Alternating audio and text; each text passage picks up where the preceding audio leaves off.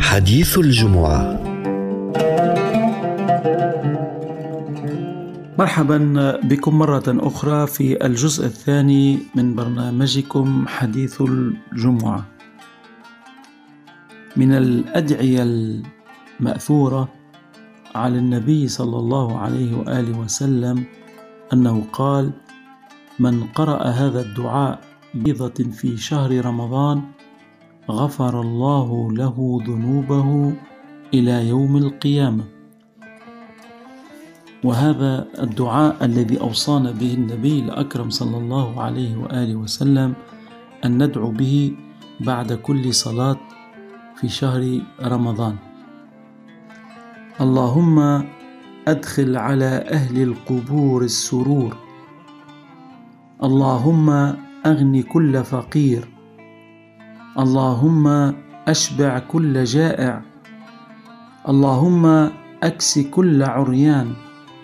اللهم أقضي دين كل مدين. اللهم فرج عن كل مكروب. اللهم رد كل غريب. اللهم فك كل أسير. اللهم أصلح كل فاسد من أمور المسلمين. اللهم أشف كل مريض. اللهم سد فقرنا بغناك. اللهم غير سوء حالنا بحسن حالك. اللهم أقض عنا الدين واغننا من الفقر. إنك على كل شيء قدير. اللهم صل على محمد وآله الطيبين الطاهرين وأصحابه الأخيار المنتجبين. وعلى من اتبعهم بإحسان إلى يوم الدين.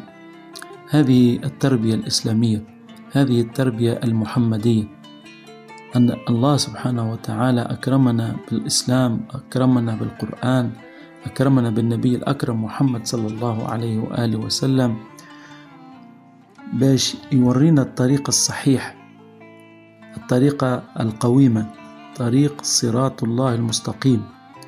والطريق هو يأتي بالتوبة وبالأوبة وبالرجوع إلى الله سبحانه وتعالى.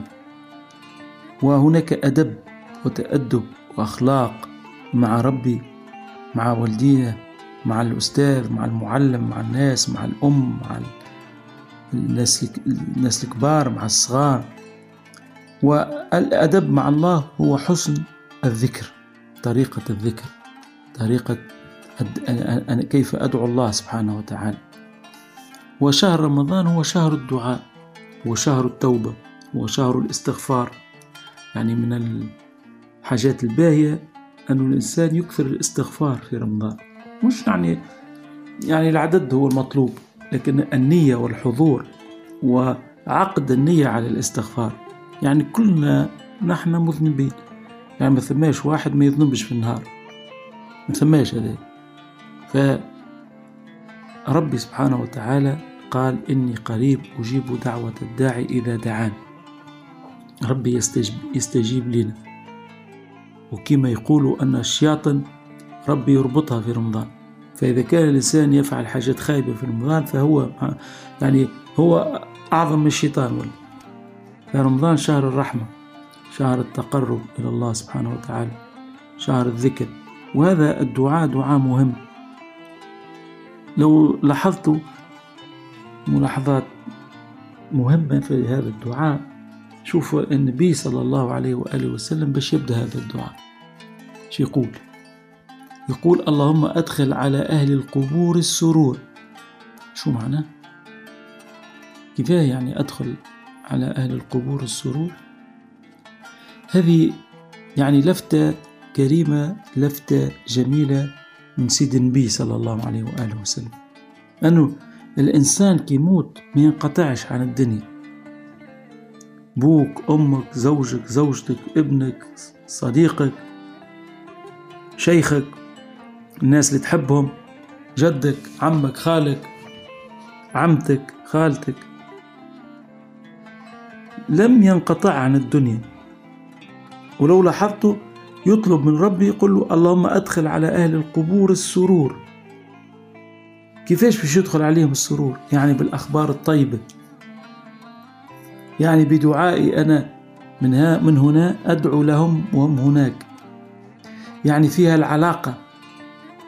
ليست فقط مع الحي. اللي معايا بل حتى مع الذي يعني ذهب إلى العالم الآخر سافر إلى العالم الآخر. يعني كأني أدعو لغريب في سفر. يعني ما ثماش انقطاع بين الأحياء والأموات في الإسلام. ما ثماش انقطاع بينك وبين العزيز اللي توفى لك اللي مات. إحنا للأسف أحياء موجودين ونقطع علاقاتنا بهم كان في العائلة ولا من غير العائلة. علاقاتنا أصبحت جافة علاقاتنا أصبحت SMS بالكتيبة. صباح خير بالكتيبة عسلامة بالكتيبة. ونعيدوا بال بالفيسبوك و... لا ثماش معايدة مباشرة ثماش علاقة مباشرة. ثم حياة ربي ما يعني قبل ما تجي تليفونات بورتابل قبل ما يجي الفيسبوك قبل ما يجي الواتساب ويجي التويتر وغيره هناك حياة حقيقية. هناك تراحم تواصل. فالله سبحانه وتعالى يعلمنا أدب الحوار أدب الذكر ويعطينا إشارات يعطينا علوم. يعني في الأدعية هناك معلومات. هذه أهم معلومة أن الميت لا, تنق... لا ينقطع عن الدنيا.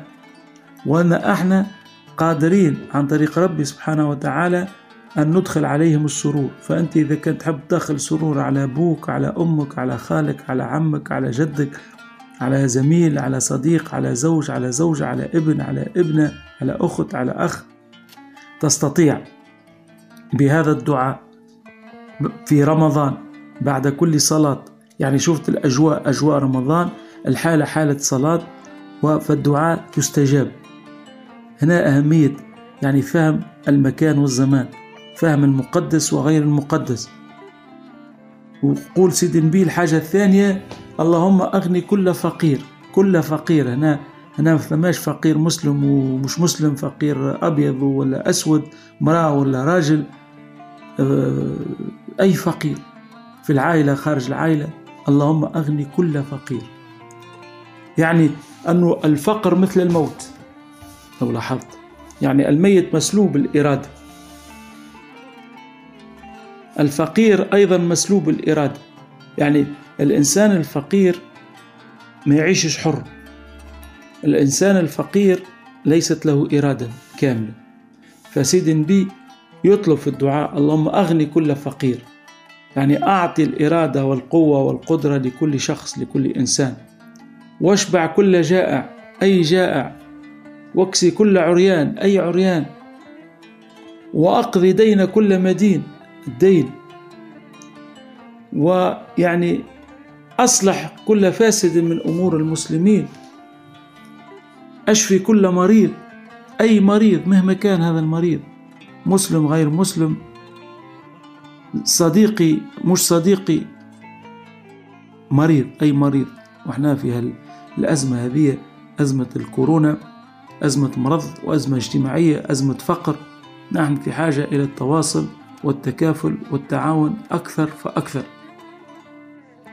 أعود للحديث عن شهر رمضان ونزول القرآن الكريم. يقول الله سبحانه وتعالى في كتابه الكريم بعد أعوذ بالله من الشيطان الرجيم بسم الله الرحمن الرحيم إنا أنزلناه في ليلة القدر وما أدراك ما ليلة القدر. ليلة القدر خير من ألف شهر. تنزل الملائكة والروح فيها بإذن ربهم من كل أمر. سلام هي حتى مطلع الفجر. صدق الله العلي العظيم. هنا كما قلت بكري أهمية شهر رمضان. أهمية شهر رمضان أنه يحتوي على أهم ليلة في العمر. أهم ليلة في العمر. وهي ليلة القدر. هيك ربي سبحانه وتعالى سماها. لماذا سماها ليلة القدر؟ لأن في الليلة هذه أنزل فيها أعظم كنز. أنزل فيها أعظم طاقة خلاقة وهي القرآن الكريم. ولذلك سماها بليلة القدر. إنا أنزلناه في ليلة القدر. وفسرت ليلة القدر بتقدير الأرزاق والأعمار وما إلى ذلك. وفسرت أيضا وهي الأقرب ليلة القدر يعني ليلة عظيمة قدرها عظيم عند الله سبحانه وتعالى. إلى درجة أن الله سبحانه وتعالى يقول ليلة القدر خير من ألف شهر. ألف شهر ثلاثة وثمانين عام. ألف شهر ثلاثة وثمانين عام عمر كامل. يقول ربي سبحانه وتعالى الليلة هذه خير من عمر كامل. بمعنى إذا أردنا النجاة يجب أن نستحق ليلة القدر. يعني ليلة القدر من أهم ليالي العمر للمؤمنة للمسلم. فوكأن شهر رمضان يقول قائل لماذا نصوم شهر؟ نجم نصيم ثلاثة أيام كافية. النجم نصيم جمعة كافية. النجم نصيم عشر أيام كافي لماذا؟ لماذا نصيم ثلاثون يوما؟ أو تسعة وعشرين. لماذا؟ لليلة القدر. التهيئة تهيئة النفس لليلة القدر. تهيئة البدن لليلة القدر. جعل ربي سبحانه وتعالى هذه التهيئة لونترينمون التمرين الاستعداد لدخول ليلة القدر 21 يوم.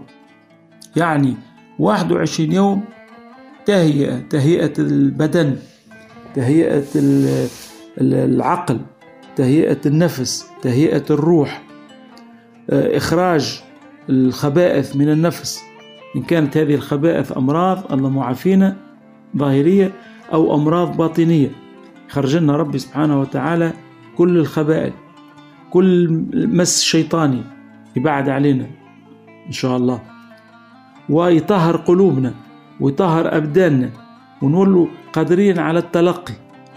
وثم يطلب منا ربي سبحانه وتعالى في الليل باش نذكروا ربي باش نصلوا باش نقروا القرآن. ومن المهم أن نصلوا ونذكر القرآن في العائلة مع زوجتي مع أبنائي. ما نخرجش نجري نمشي للمسجد ولا نمشي للقهوة ولا نمشي لل... لا نبقى في البيت ويعني أستغل شهر رمضان باش نقرأ شوية قرآن مع الدار باش نذكر ربي ذكر أه؟ باش ندعو ربي مع بعضنا ونتهيأ إلى أهمية ليلة القدر لأن ليلة القدر هذه تجي مرة واحدة في العمر ويعني إذا حصلها الإنسان نال رضا الرحمن لأن الله سبحانه وتعالى يتباهى بها. وشوف سبحان الله ربي سبحانه وتعالى أنزل القرآن الكريم على قلب سيد النبي صلى الله عليه وآله وسلم مرة واحدة. وهذا النزول نزول حقيقي نزول مادي حقيقي. لذلك جعلها ليلة كبيرة جدا ليلة نزول طاقة عظيمة جبارة. يعني كما نقول لكم راهو عندكم قرآن كريم في في دارك ولا في جيبك. يعني ذلك كنز كبير كنز عظيم غير نحن غير ملتفتين إليه. رب يقول إن قوم اتخذوا هذا القرآن مهجورا.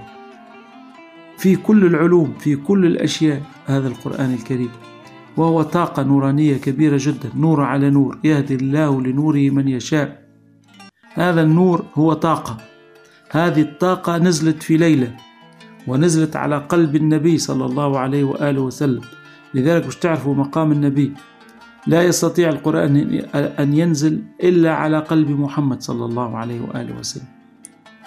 هنا نفهم شنو هو النبي قدر النبي. قدر النبي أكبر من ليلة القدر. فليلة القدر اجتمع فيها النبي والقرآن والوحي. الملائكة والروح. باش نجوه بعد. ثم هذه الليلة من عظمتها أنها تتجدد.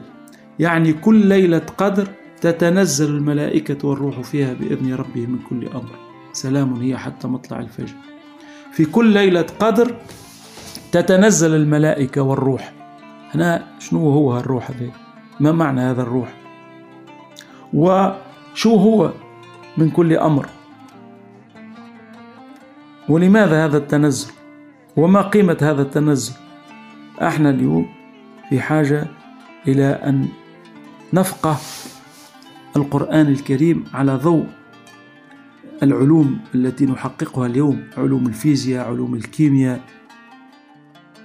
اليوم الإنسان يطلع إلى القمر ويطلع إلى المريخ ويحاول يعني اكتشاف كواكب ممكن الحياة فيها والانتقال إليها. اليوم إحنا في حاجة باش نفهم قرآننا بشكل أفضل من قبل. ربي سبحانه وتعالى جعل شهر رمضان شهر عبادة شهر تقوى شهر ذكر مش شهر تحيل في التجارة مش شهر غلاء الأسعار مش شهر مخميخ ماكلة مش شهر مسلسلات تخمة في المسلسلات. لا شهر عبادة ولكن عبادة لماذا؟ مش العبادة متاع الحمقى مش عبادة متاع أغبياء. إحنا عنا عبادة متاع أغبياء. يعني ناس إنسان جاهل يعبد ربي هو مش عارف حتى شنو ربي شنو مقاصد الشريعة شنو الشريعة. أو متكلم متفيقة. يعني يتكلم ويحكي والناس تسمع فيه. ولكن شنو وقع في القلب؟ هل فما إدراك لأهمية المكان والزمان؟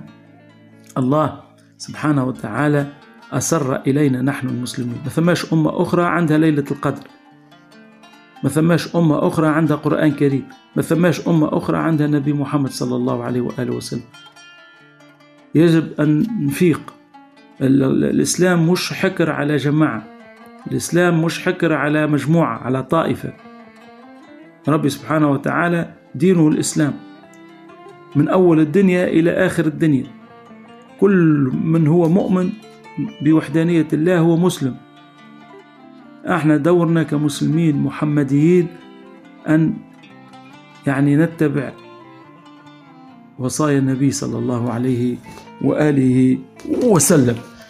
فالرسول الأكرم صلى الله عليه وآله وسلم الأسوة الحسنة هو اللي ورينا يعني ماذا يجب أن نفعل.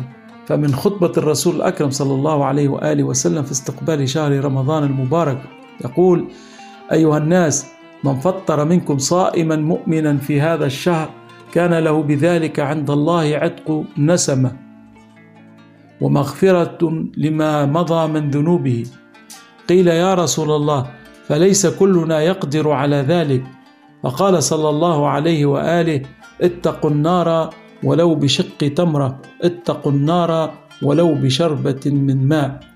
أيها الناس من حسن منكم في هذا الشهر خلقه كان له جوازا على الصراط يوم تزل فيه الأقدام.